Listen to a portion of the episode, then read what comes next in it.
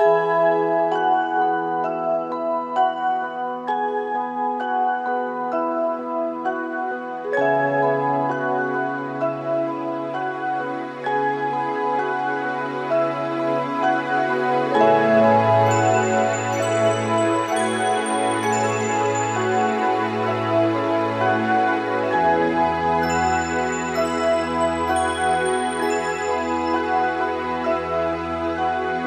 Esiet sveicināti, cienījamie radioklausītāji! Radio studijā mācītājs Juris Rubens, jūs klausāties Svētrītu. Šī rīta pārdomām mēs ieklausīsimies svēto rakstu vārdos Mateja evaņģēlīja 13. nodaļā, kur 44. pantā mēs lasām kādu skaistu Jēzus līdzību.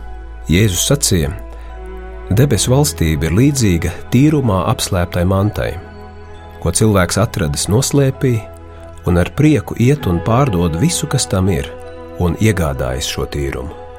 Āmen!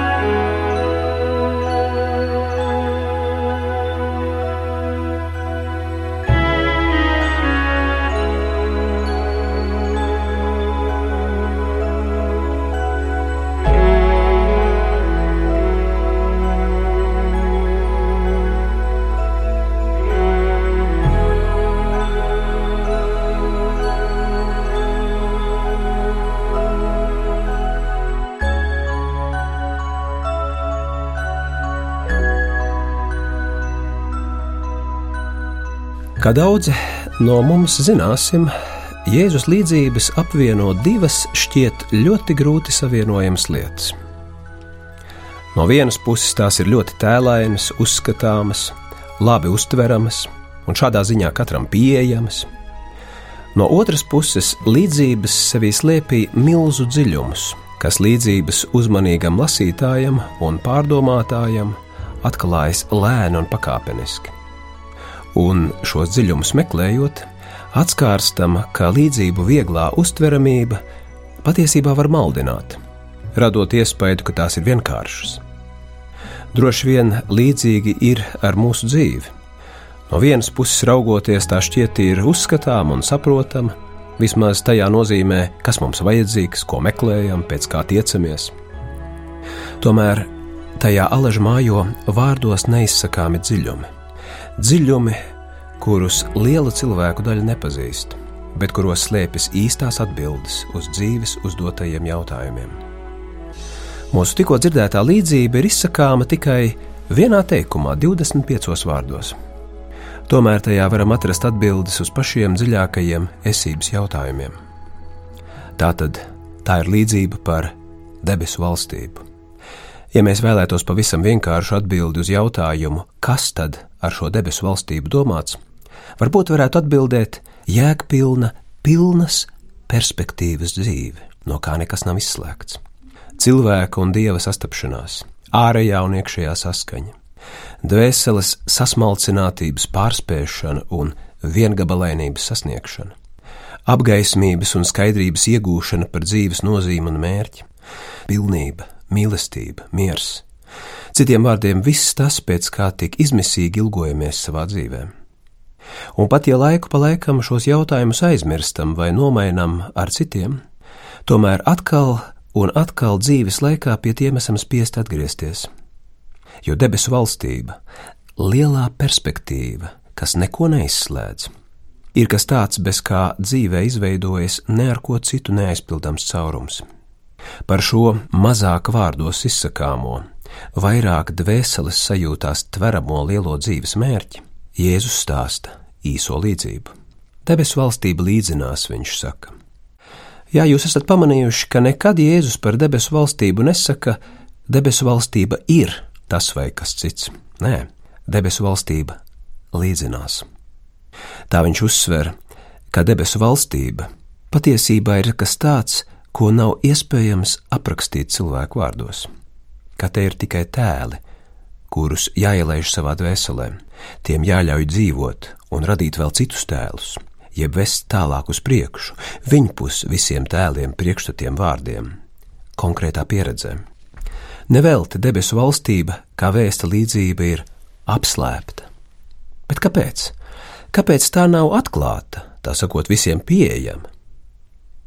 Tā nav tāda vienkārša dieva iegriba vai kaprīze, ka viņš labāko no cilvēkiem noslēpīja un tad vēro, vai kāds to atradīs vai nē. Nē, vienkārši dieva valstības būtība ir tāda, ka tā ar parastajiem uztvers līdzekļiem un parastajiem uztvers instrumentiem, ja tā drīkst sacīt, nav pieejama. Jo tā ir kaut kas vairāk par redzamo, aptveramo, izrunājamo, izmērāmo.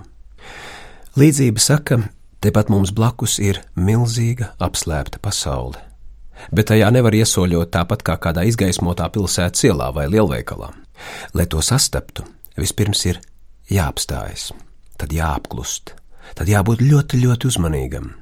Visbeidzot, jābūt gatavam mācīties kādu pilnīgi jaunu uztveres spēju, to, ko jaunā darība sauc vārdā ticība. Kad es vairs neesmu atkarīgs no citiem cilvēkiem vai viņu viedokļiem, kad es neesmu atkarīgs no saviem priekšstatiem un iegribām, bet tikai un vienīgi no Dieva. Jā, mēs runājam pārāk daudz, un tāpēc parasti daudz ko no Dieva sacītā mums nedzirdam. Vai neesat pamanījuši, cik grūti mums ir izturēt klusumu, īstu, patiesu klusumu? Parasti mēs esam tik ļoti aizņemti ar sevi, ka dažkārt pat dievnamā, dievkalpojumā mūsu uzmanība paliek pievērsta tikai sev un savām problēmām vien. Tik grūti ir iztukšoties no sevis. Dieva valstība gaida no mums pārmaiņu, pagriezienu tā grib palīdzēt šo pārmaiņu piedzīvot.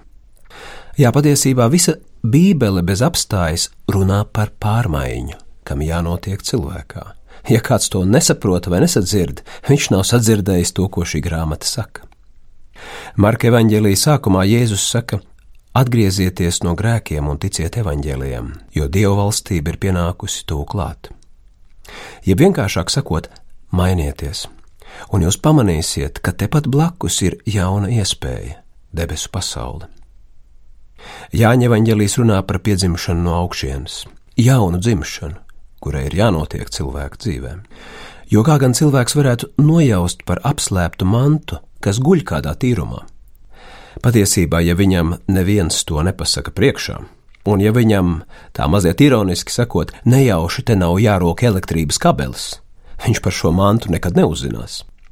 Jo manta pati par sevi taču nerunā, nekliedz, sevi nereklamē kā viss pārējais, kas cīnās par mūsu uzmanību. Līdzība rāda virzienu. Apslēpto mantu var atrast tikai tas, kas burtiskā un pārnestā nozīmē jautā un meklē dziļāk. Arī dzīve var no ārpuses izskatīties tāds vienkāršs tīrums, vienkārša darba vieta, kas ir pazīstama līdz pēdējam sīkumam, tik labi pazīstama, ka liekas neiespējami, ka te varētu slēpties vēl kas cits. Ko gan citu no dzīves gaidīt kā vien vienmuļu ikdienu, un varbūt vēl pāris mazus prieciņus. Piedevām, ja dzīve paiet vienā vienīgā skriešanā un nav pat laika apstāties, tad, protams, nav nekādu cerību kaut ko sevišķu te atrast.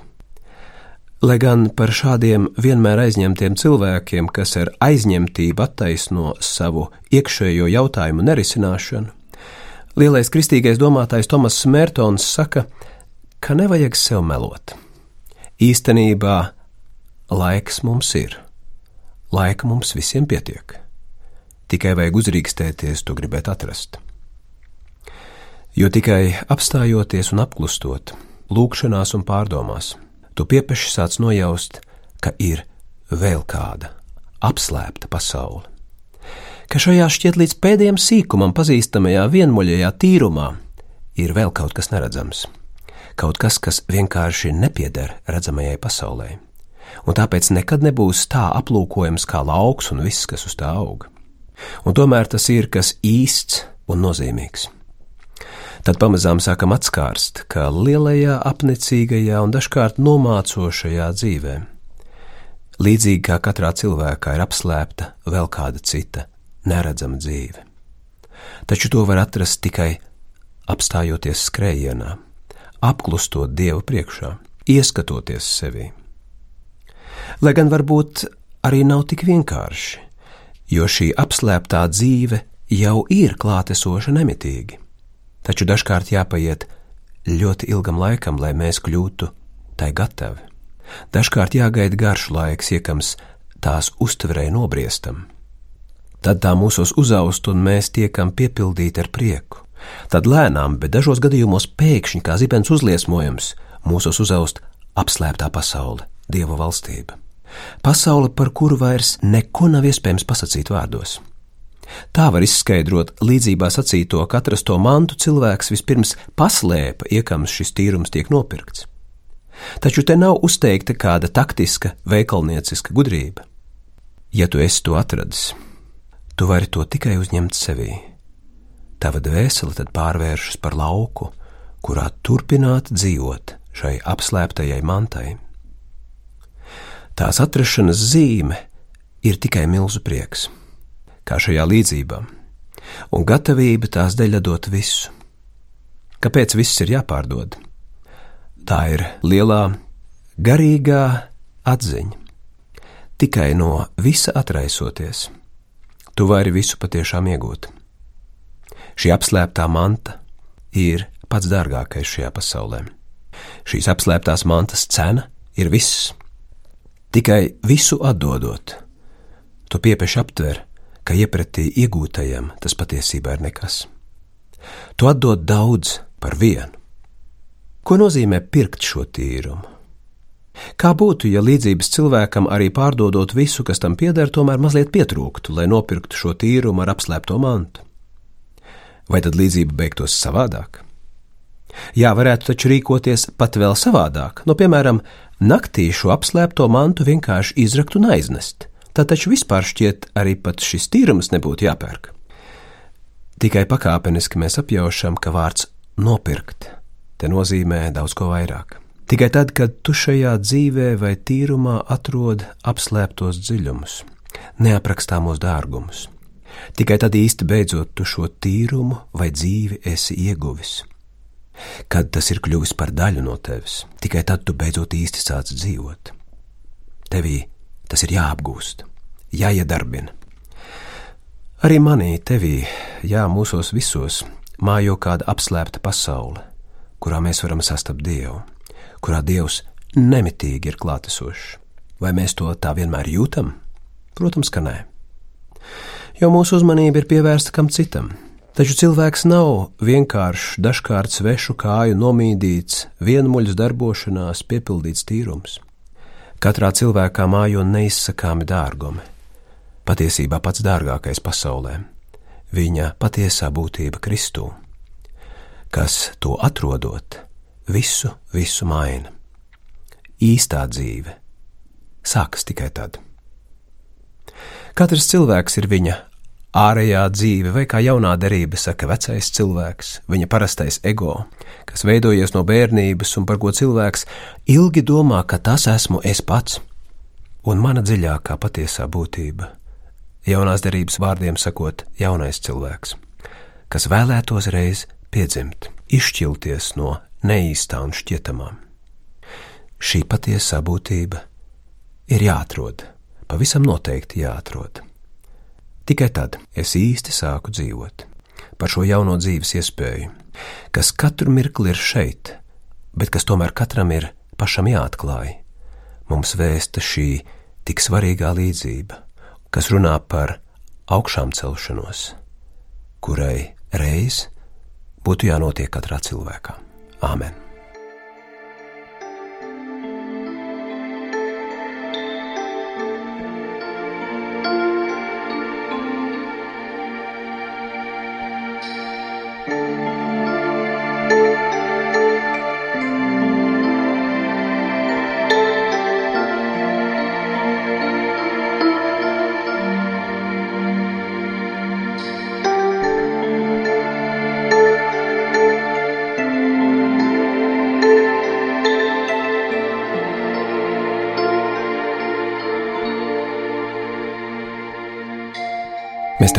Pateicamies, debes Tēvs, ka šajā pasaulē mēs drīkstam samierināties ne tikai ar tām lietām, kuras mēs redzam ārēji, bet ka aiz visa parastā un ikdienišķā ir dziļumi, ka mēs dzīvojam pasaulē, kurā ir nemitīgi klātesoša pati lielākā bagātība.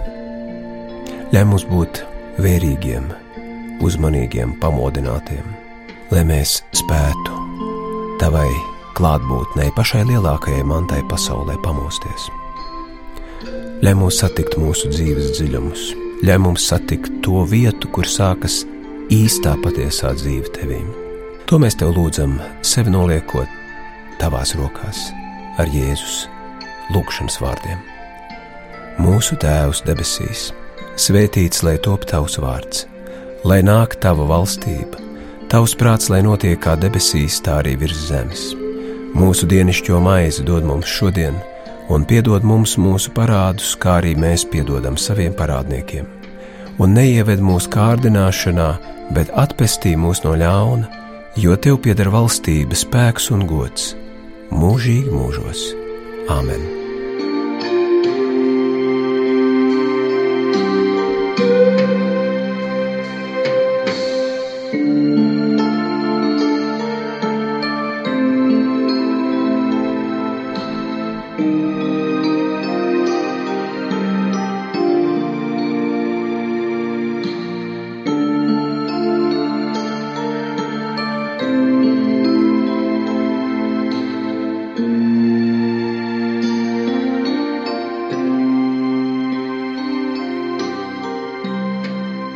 Jūs klausījāties raidījuma Svētrīts. Radio studijā bija mācītājs Juris Rubens.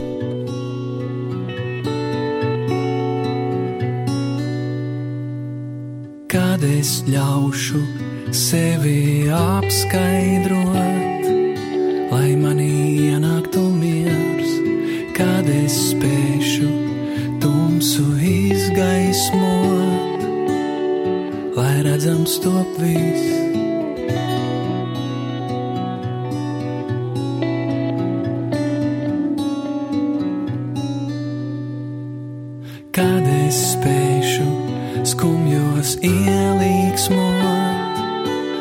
viņos ielītu prieks, kad es spēšu vājos stiprināt un spēku tiem dot, kad es spēšu tumsu izgaismot. Kad es spēšu skumjos ielīgsmot, gaismu svinēšu es svinēšu es. Kad mēs spēsim skumjos ielīgsmot, lai viņos ielītu prieks, kad mēs spēsim vājos stiprināt un spēku tiem spēsim tumsu izgaismot.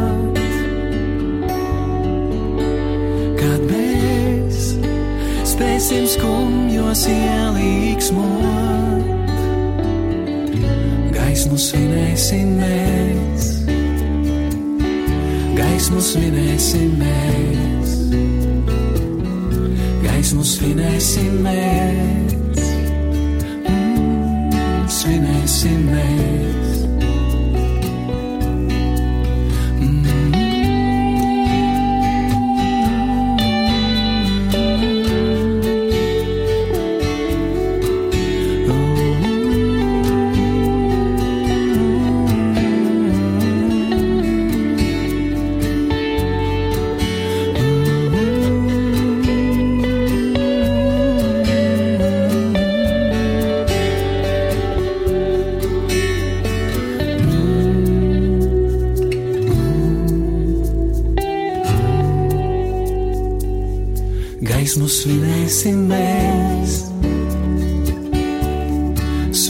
svinēsim mēs,